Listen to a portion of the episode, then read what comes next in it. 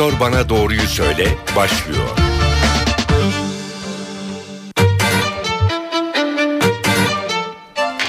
NTV Radyo'dan herkese iyi haftalar, iyi günler. Ben Öykü Özdoğan. NTV stüdyolarında Doktor Bana Doğruyu Söyle programıyla karşınızdayız. Her pazartesi sağlık sorunlarının yanı sıra sağlık sektörünün ve sağlık çalışanlarının da sorunlarını, hasta haklarını konuşacağız.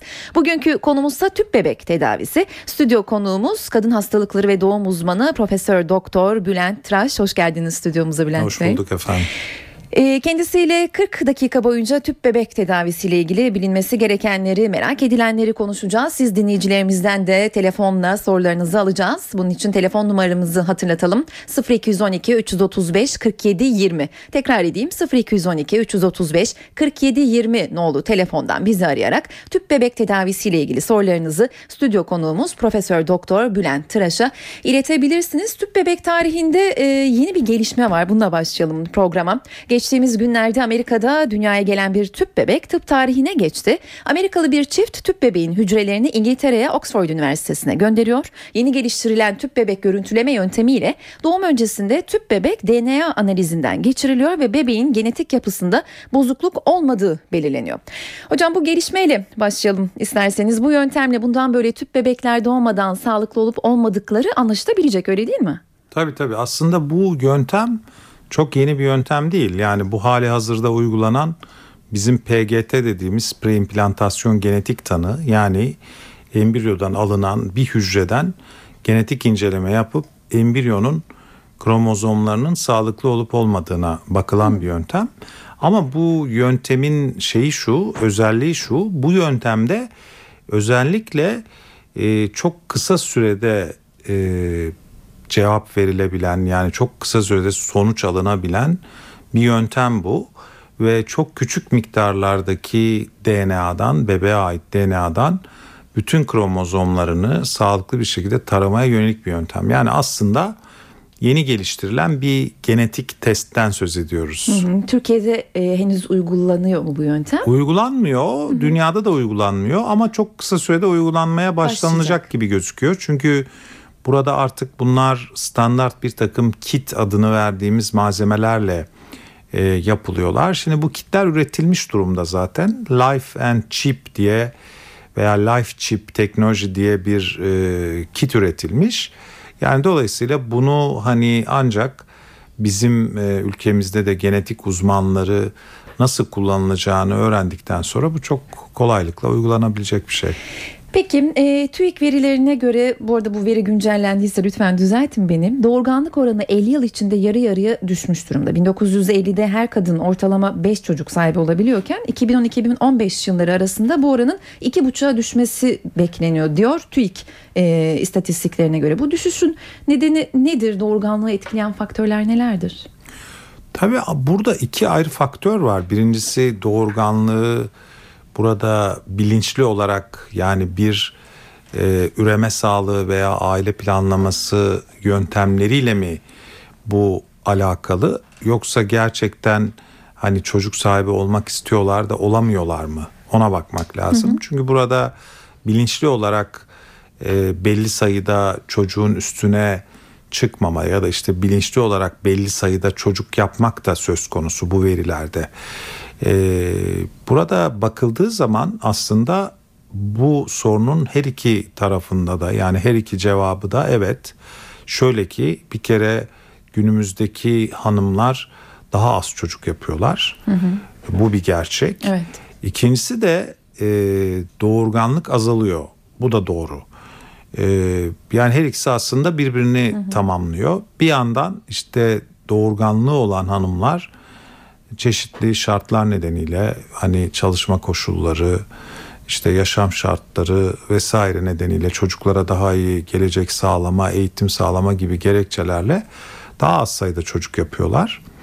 Bir yandan da e, çocuk sahibi olmak isteyen kişiler de çocuk sahibi olmakta zorlanıyorlar. Evet.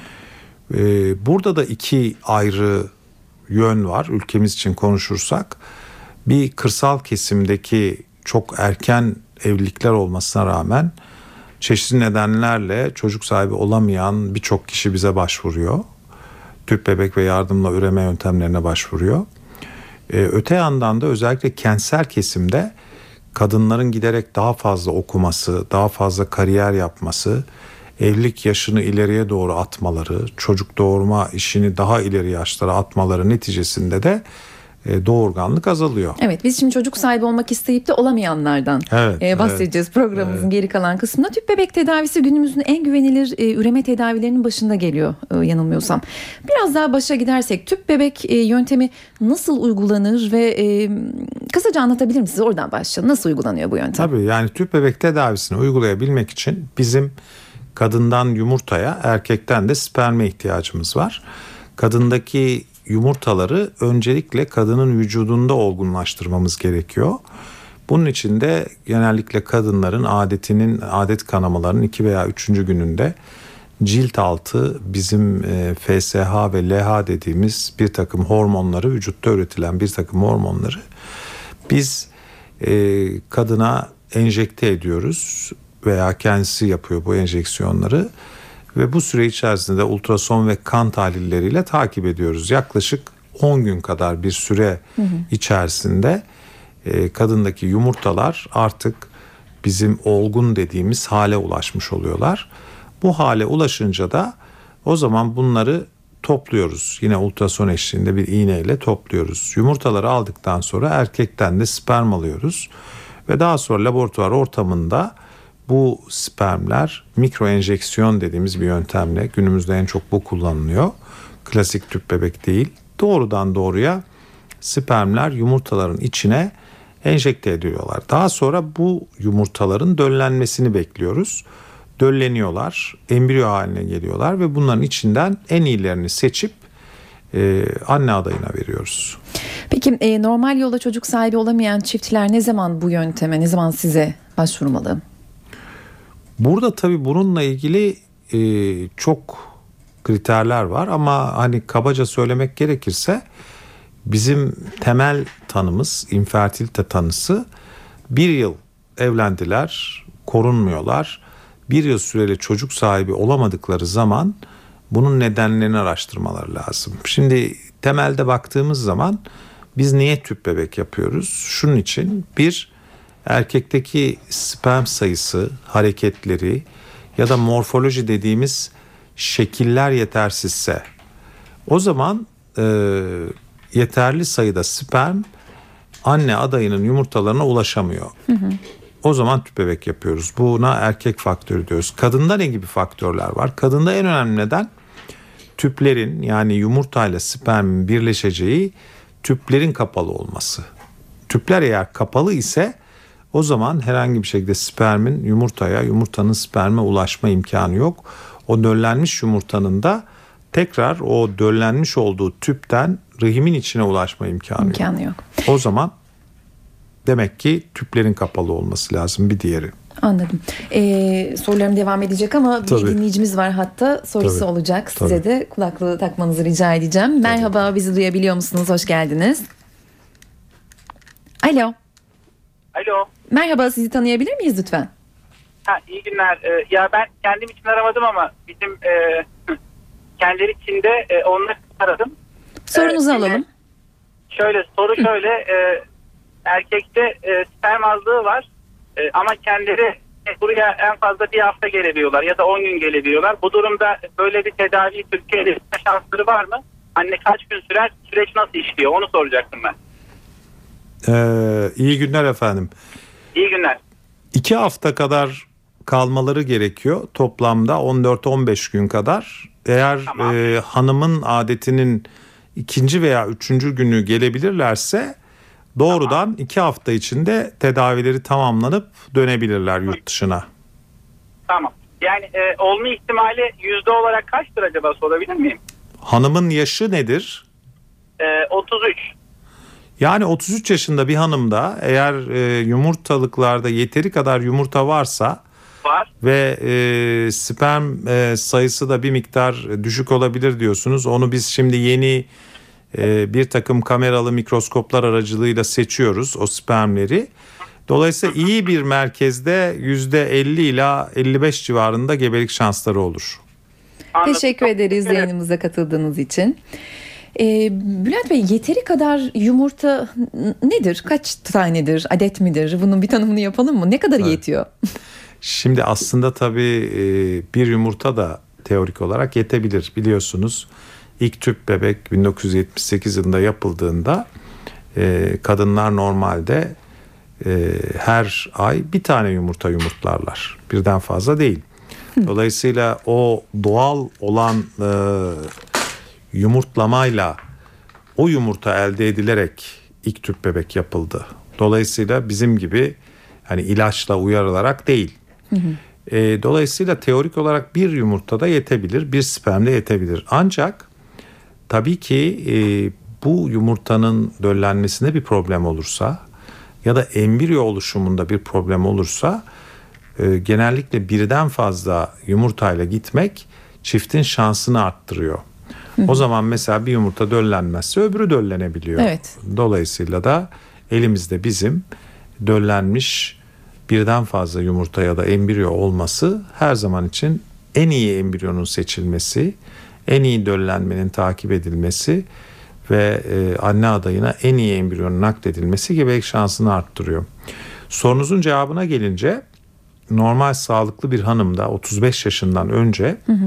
Her bir yumurtalıkta yaklaşık 6 ila 8 arasında yumurta olması lazım. Bizim antral folikül dediğimiz. 6'şar diyorsunuz öyle değil mi? 6-8 arası hı hı. yumurta olması lazım. Yani toplamda 2 yumurtalık yumurta sayısının 10-12'nin üzerinde olması lazım. Hı.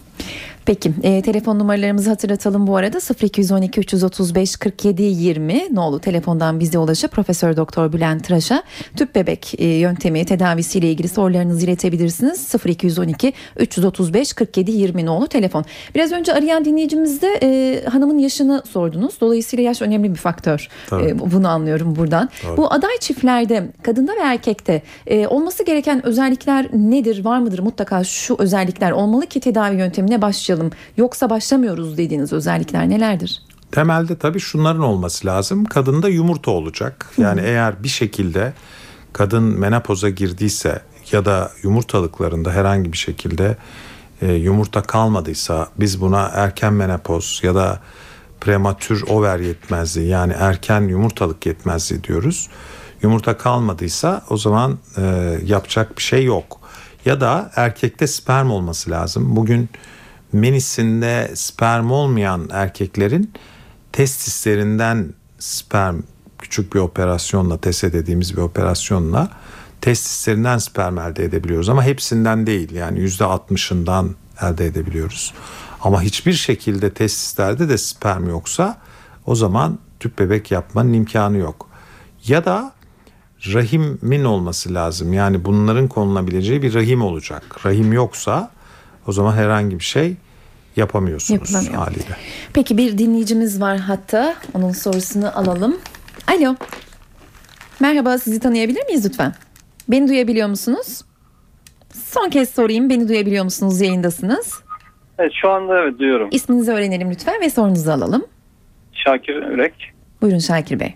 Ben 3 e, yılı geçti e, evliyim ama bize herhangi bir çocuk e, olmadı. Ben daha önceden sünnetli olarak doğmuştum. Onu bunu e, doktora söylemiştim. E, doktor dedi e, sperm tahlili e, yaptı dedi. Öyle geldi. Sonra gitti. Yaptırdım. Herhangi bir sorun yok dedi. E, yalnız dedi kanalların biraz dar dedi. Yani bundan dolayı olabilir dedi. Yani o sünnetli doğmaktan kaynaklanan şeyden dolayı.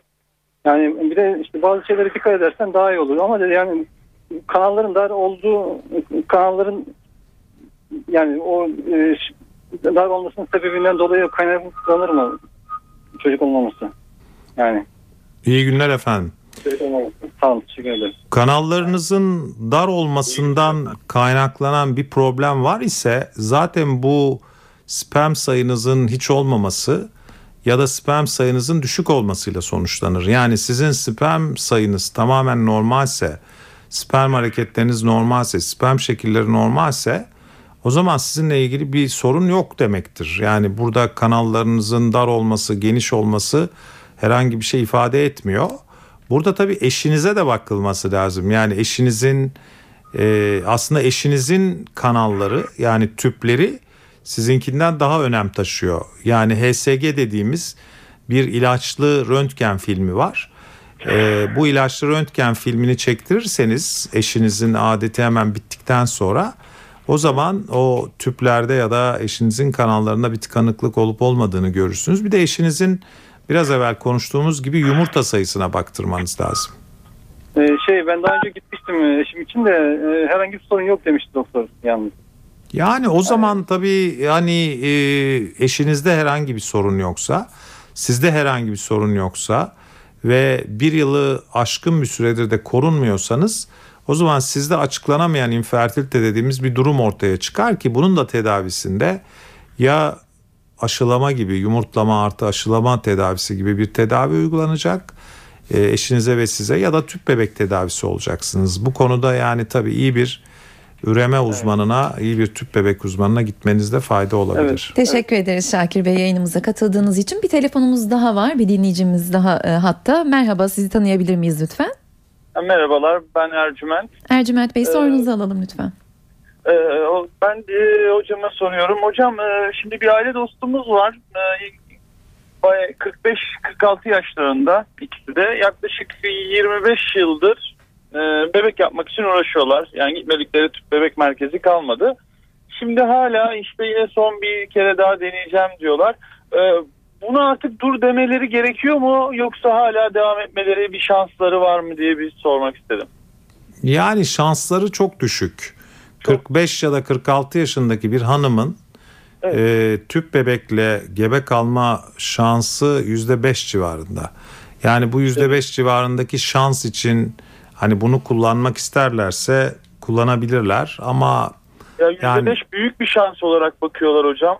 E, Yani çok tabii büyük bir şans olarak bakmak istatistiksel olarak doğru değil. Çünkü tersten bakarsanız %95 de olmayacak demek.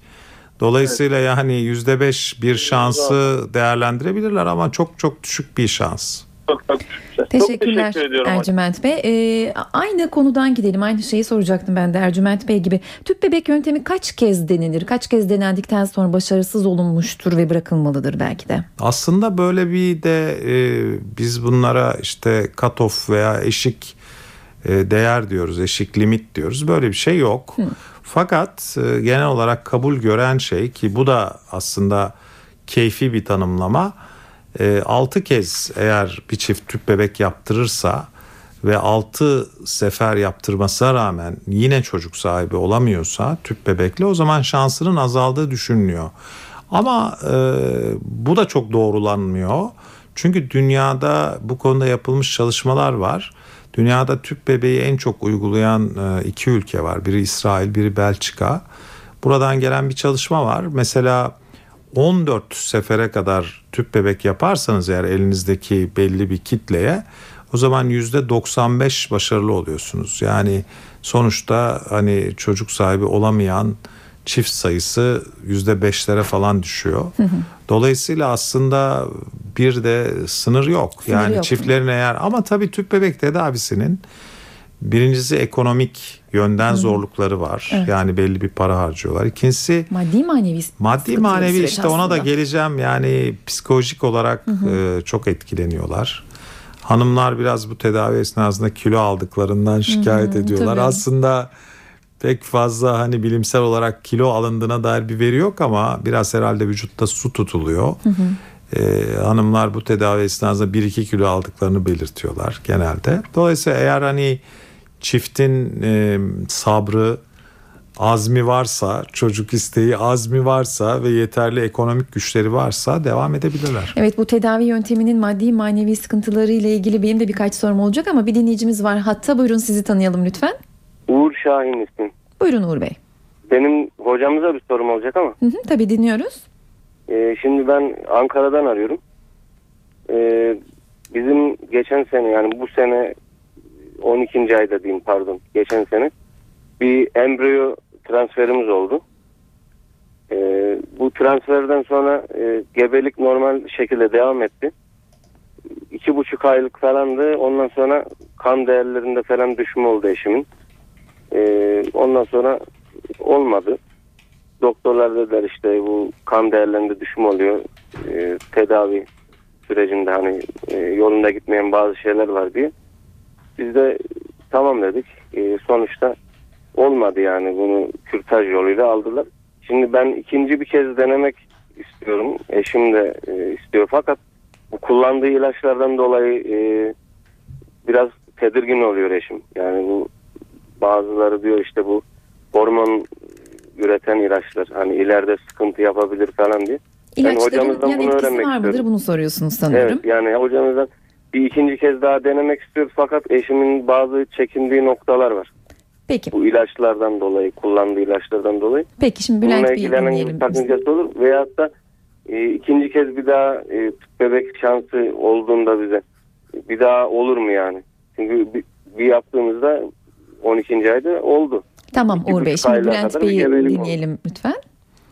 Ee, tabii şimdi Uğur Bey'in eşinde bir tüp bebek denemesi sonrası gebelik oluşması bizim için bir pozitif risk faktörü. Yani bir dahaki denemede yeniden bebek sahibi olma şansları yükseliyor. Ee, kullanılan tüp bebek ilaçlarının herhangi bir bilinen uzun dönemli sakıncası yok. Yani bu ilaçlar vücuda zarar verir mi ya da en çok üzerinde durulan konu acaba yumurtalığı uyardıkları için yumurtalık kanseri yapar mı? Bu konuda dünyada yapılmış çalışmaların hiçbirisi bu ilaçların yumurtalık kanseri neden olduğunu göstermemiş. Dolayısıyla böyle bir şey yok. Çünkü esasında bu hormonların orijini de gene insan vücudu. Yani bunlar dışarıdan verilen insana yabancı hormonlar değil. Yine bizim hipofiz bezi dediğimiz bezin salgıladığı yumurtalıkları insanda da çalıştıran kendi doğal hormonlarımızı daha yüksek dozlarda kullanıyoruz. Ee, ama bugüne kadar bunların zararlı bir yan etkileri gösterilmemiş. Ee, üçüncü sorusuna gelince de acaba bu tekrarlar mı? Tabii burada nedenine de bakmak lazım. Bir kez olması durumunda bunun çok fazla araştırılması önerilmiyor. Yani bir düşük olursa bunun en az iki kere veya üç kere tekrarlayan düşük olmasından sonra acaba altta yatan bir neden var mı? Genetik bir neden var mı? Rahimin içinde bir problem var mı? Ya da bir trombofili dediğimiz kan pıhtılaşma bozukluğu var mı diye o zaman araştırılması gerekiyor. Yani bir problem olacağını düşünmeden tekrar tüp bebek tedavisine gidebilirler. Doktor Bana Doğruyu Söyle programında bugün kadın hastalıkları ve doğum uzmanı Profesör Doktor Bülent Tıraş stüdyo konuğumuz ve kendisiyle tüp bebek yöntemleriyle ilgili konuşuyoruz. Telefonlarımız var dinleyicilerimizden soruları alacağız ama öncesinde az önce bahsettiğim konuya değinmeden geçmeyeceğim. Çünkü biliyorum ki telefonlarda sanıyorum bunlara vakit kalmayacak. Tüp bebek maddi manevi zor bir süreç dedik. E, maddi kısmından başlayalım isterseniz. Aile ve Sosyal Politikalar Bakanlığı tüp bebek tedavi giderlerini karşılayamayan aileler için tüp bebek projesi başlatmıştı sanıyorum. Bu proje devam ediyor mu veya tüp bebek tedavisinin giderleri devlet tarafından karşılanıyor mu? İsterseniz son sorunuzdan başlayayım. Devlet e, daha doğrusu Sosyal Güvenlik Kurumu tüp bebek tedavisini e, bir ölçüde karşılıyor ama bunun için belli şartları var. Yani biraz evvel başta hani saydığımız belli şartlara uygun çiftlere tıbbi olarak e, bir heyet raporu çıkartmaları şartıyla üniversite hastanelerinden veya üçüncü düzey devlet hastanelerinden, eğitim hastanelerinden çıkartırlarsa bunlara belli bir yardımda bulunuyor. Ama bu tabii e, miktar tüp bebek tedavisinin e, tamamını karşılamaktan biraz uzak. Hı, belirli bir yani yüzde. bugünkü evet koşullarda belki üçte birini, dörtte birini falan karşılıyor. Bunun dışında bir de kullanılacak e, ilaçların yine belli bir doza kadar e, bölümünün yüzde seksenini karşılıyor. Yani bir miktar e, destekte bulunuyor devlet bu tedaviye. Aile ve Sosyal Politikalar e, Bakanlığı ise e, Acıbadem Hastaneler grubuyla birlikte bir sosyal proje başlattı. Bu aslında bir sosyal sorumluluk projesi. Acıbadem'in gerçekleştirdiği Aile Sosyal Politikalar e, Bakanlığı'na e, bu Türkiye'de ekonomik gücü olmayan çiftlerin özellikle seçilmesi konusunda bir ricada e, bulundu grup ve Aile Bakanlığı ile beraber e, 2500 çifte bir ücretsiz tüp bebek kampanyası başlatıldı. Ve burada her türlü e, masrafı e, ilaç masrafı artı bütün tüp bebek masrafları Acıbadem grubu tarafından karşılandı. Öyle mi? Tabii bu 2500 e, kişi de e, grubun 8 tane hastanesinde e, daha doğrusu tüp bebek merkezi olan 8 tane hastanesinde hı hı. işte Ocak ayından beri bu çiftlerin tedavileri sürüyor. Hı hı. E, bizim hastanemizde de sürüyor. Bu yıl sonuna kadar bu e, proje tamamlanması hedefleniyor. Ama daha sonra yani bu projenin görmüş olduğu yoğun ilgi nedeniyle Aile Bakanlığı e, yine e, bu tip projelere devam edeceklerinin e, müjdesini verdi. Umuyoruz Hı, bu da e, güzel bir şey olur. Evet umarız ki devam eder. Bir dinleyicimiz var hatta. Merhaba sizi tanıyalım ve sorunuzu alalım lütfen. Beni duyabiliyor musunuz? Galiba bağlantıda bir hata var, bir problem var.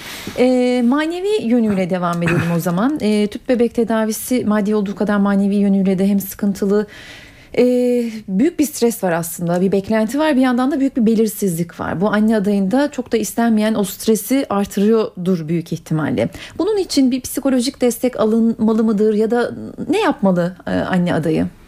E, tabii yani söylediğiniz gibi ciddi bir sıkıntı oluyor. Ee, özellikle bu işin yükü esasında hanımların üzerinde. Erkekte de stres oluyor ama hanımlarda daha çok stres oluyor. Bir diğer husus da tabii bu kullanılan ilaçlar e, vücutta belli hormonların örneğin östrojen hormonunun hı hı. düzeyini arttırıyor. Bu hormonların e, artışı da tabii hanımlardaki o psikolojik etkilenme düzeyini arttırıyor. Hı hı.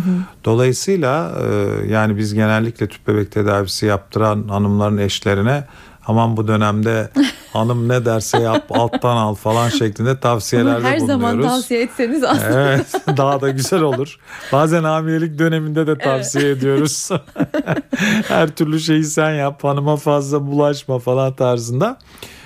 Ee, burada tabii psikolojik destek tüp bebek merkezlerinde genellikle psikolog oluyor. Zorunlu olmamakla beraber ve psikolojik destek de sağlanıyor çiftlere. Hı hı. Ama tabii süreç uzun. Yani 15 günlük tedavi oldu. Arkasından embriyo yerleştirildikten sonra 11-12 gün kadar sonra gebelik testi yapılıyor. Şimdi gebelik testi pozitif olursa güzel fakat negatif olursa bu sefer o negatif olmasının verdiği ciddi bir e, psikolojik stres ortaya çıkıyor. Bir travma oluyor. Ondan sonra da tabii bu sefer bununla baş etmek gerekiyor. Yani süreç tabii biraz zor bir süreç. Evet. Ee, biraz önceki dinleyicimiz hatta sanıyorum bizi duyabiliyor musunuz şimdi? Duyabiliyorum. İyi günler, iyi yayınlar. Merhaba. Merhabalar. İsminizi ve sorunuzu alalım lütfen. Ee, ismim Adem Çek. Adana'dan arıyorum da. 8 ee, yıllık evliyim.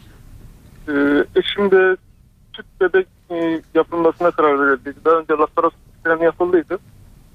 Üç defa aşılama yapıldıydı. Ee, ondan sonra ikinci aşama olarak süt bebeğe geçildi. İki sefer süt bebek yaptık. Bir sefer normal yollardan yaptık. Bir sefer de dondurulmuş embriyoları kullanarak yaptık. Herhangi bir sonuç alamadık. Alamamamızın, alamamamızın, alamamamızın sebebi de şöyle e, kanallar kapalı dendi. E, laparoskopi ameliyat olduktan sonra kanallar kapalı dendi. Ameliyat oldu gene açılmadı. Bunun üzerine bebek yaptık.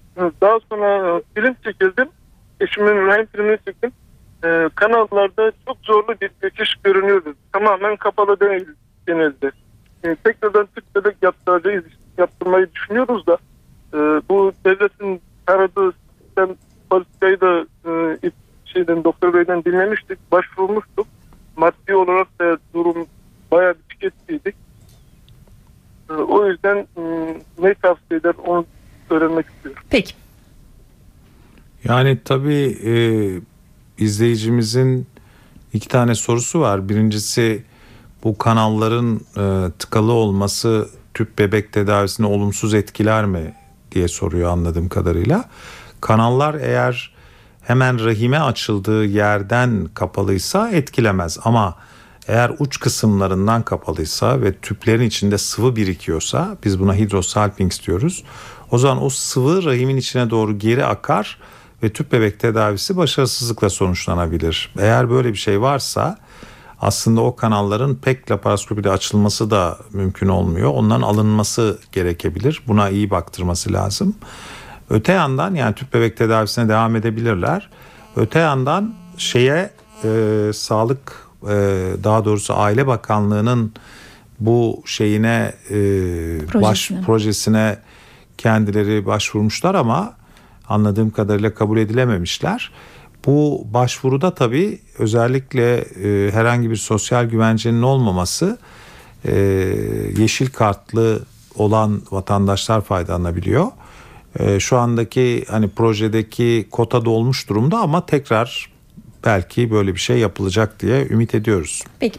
Ee, telefon numaralarını son kez hatırlatalım. 0212 335 47 20 nolu telefondan bize ulaşıp Profesör Doktor Bülent Tıraş'a tüp bebek yöntemleriyle ilgili sorularınızı sorabilirsiniz. Ben de şunu sormak istiyorum hocam. Tedavi sonrası e, nelere dikkat etmek gerekiyor? Olumlu sonuç almayı destekleyebilecek e, yani şunları yaparlarsa daha iyi olur diyeceğiniz ne bileyim sigara, alkol, stres gibi faktörler nelerdir? Sigara tabii söylediğiniz gibi çok önemli. Yani sigarayı biz e, üreme sağlığının herhangi bir döneminde arzu etmiyoruz. Hem kadınlarda hem erkeklerde arzu etmiyoruz. Çünkü sigara kadınlarda özellikle yumurtalık rezervini olumsuz etkiliyor.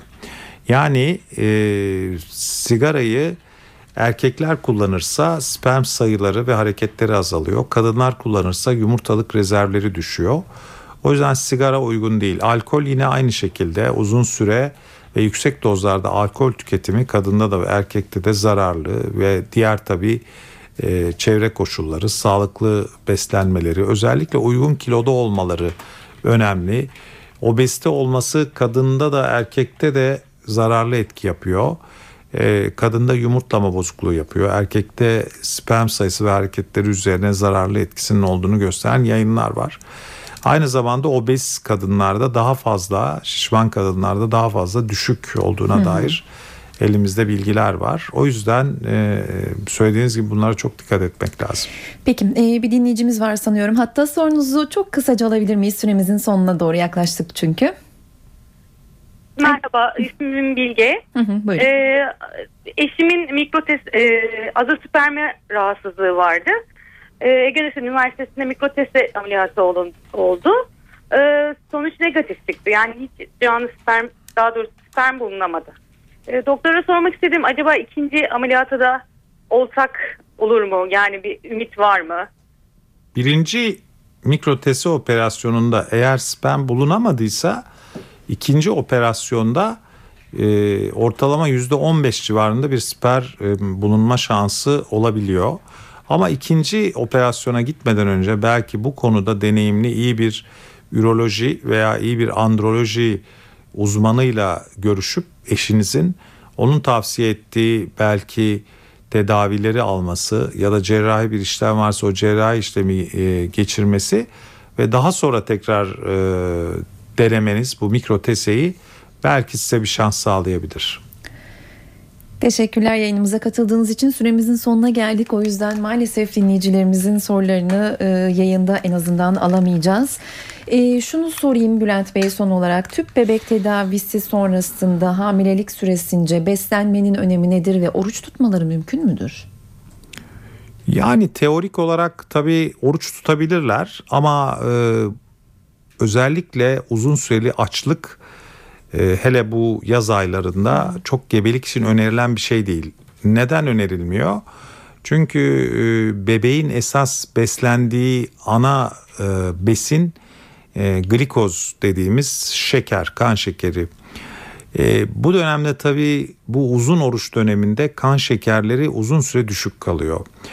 Bebeğin esas ana enerji kaynağı olmuyor. Olmayınca bu sefer e, anne vücudundaki yıkılan yağlar veya proteinlerden ve keton dediğimiz maddelerden bebek beslenmeye çalışıyor. Çok sağlıklı olmuyor o zaman. Yani onun için hamilelere oruç tutulmasını evet tutmalarını pek tavsiye etmiyoruz. Peki çok teşekkür ediyoruz. Süremizin sonuna geldik. Bugünkü konumuz tüp bebek tedavisiydi. Çıkış noktamız da İngiltere'deki tıp tarihine geçen tüp bebekti. Aslında ondan çok fazla bahsedemedik. Ee, Süremiz ve telefonlara e, yanıt vermeyi arzu ettiğimiz için. Stüdyo konuğumuz Profesör Doktor Bülent Tıraş'tı. Çok teşekkürler tekrar yayınımıza Ben katıldığınız için. E, hatırlatalım bundan böyle her pazartesi saat 12.10'da NTV Radyo stüdyolarında sağlık programımız Doktor Bana Doğruyu Söyle ile e, karşınızda olacağız. Sağlık sorunlarının yanı sıra hasta ve sağlık çalışanlarının haklarını sorunlarını da konuşacağız. Konuşulmasını arzu ettiğiniz konuları info.ntvradio.com.tr adresine gönderebilirsiniz. Programımızı kapatırken sağlık sektöründe öne çıkan birkaç gelişmeyi paylaşalım sizinle. Ben Öykü Özdağ'ın önümüzdeki hafta farklı bir konu ve konukla tekrar karşınızda olacağız. Şimdilik hoşçakalın. Sağlık Bakanlığı özel hastanelerin denetimi ve uyması gereken kurallarla ilgili yeni düzenlemelere gitti. Buna göre hastaneler genel sağlık sigortası dışında hastadan ilave ücret alamayacak. Hastalardan 3 kez ek ücret aldığı belirlenen hastane 3 gün kapatılacak. Birleşmiş Milletler'in araştırmasına göre Türkiye nüfusunun %29'u obez. Türkiye bu yüzdeyle 10. sırada yer aldı. Ülkemizde obezitedeki artış nedenlerinin tüm dünyayla paralel olduğunu belirten uzmanlar, hareketsiz yaşam modern çağın getirdiği beslenme düzensizliğinin bu nedenlerin başında geldiğini söylüyor. Oruç tutarken spor yapanlar dikkat. Uzun açlık süresi ve yüksek hava sıcaklığı nedeniyle herhangi bir sağlık sorunuyla karşılaşmamak için spor yapanların dikkatli olması gerekiyor. Uzmanlar oruçlu olunan dönemde yaşanan sıvı kayıpları hemen yerine konamadığı için sporun serin saatlerde yapılmasını tavsiye ediyor. Kanserle mücadele için yurt dışından 120 adet kanser tarama tırı geliyor.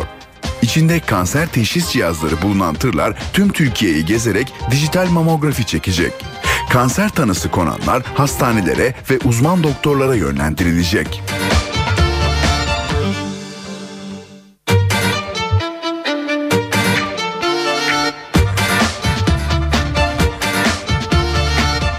Doktor Bana Doğruyu Söyle.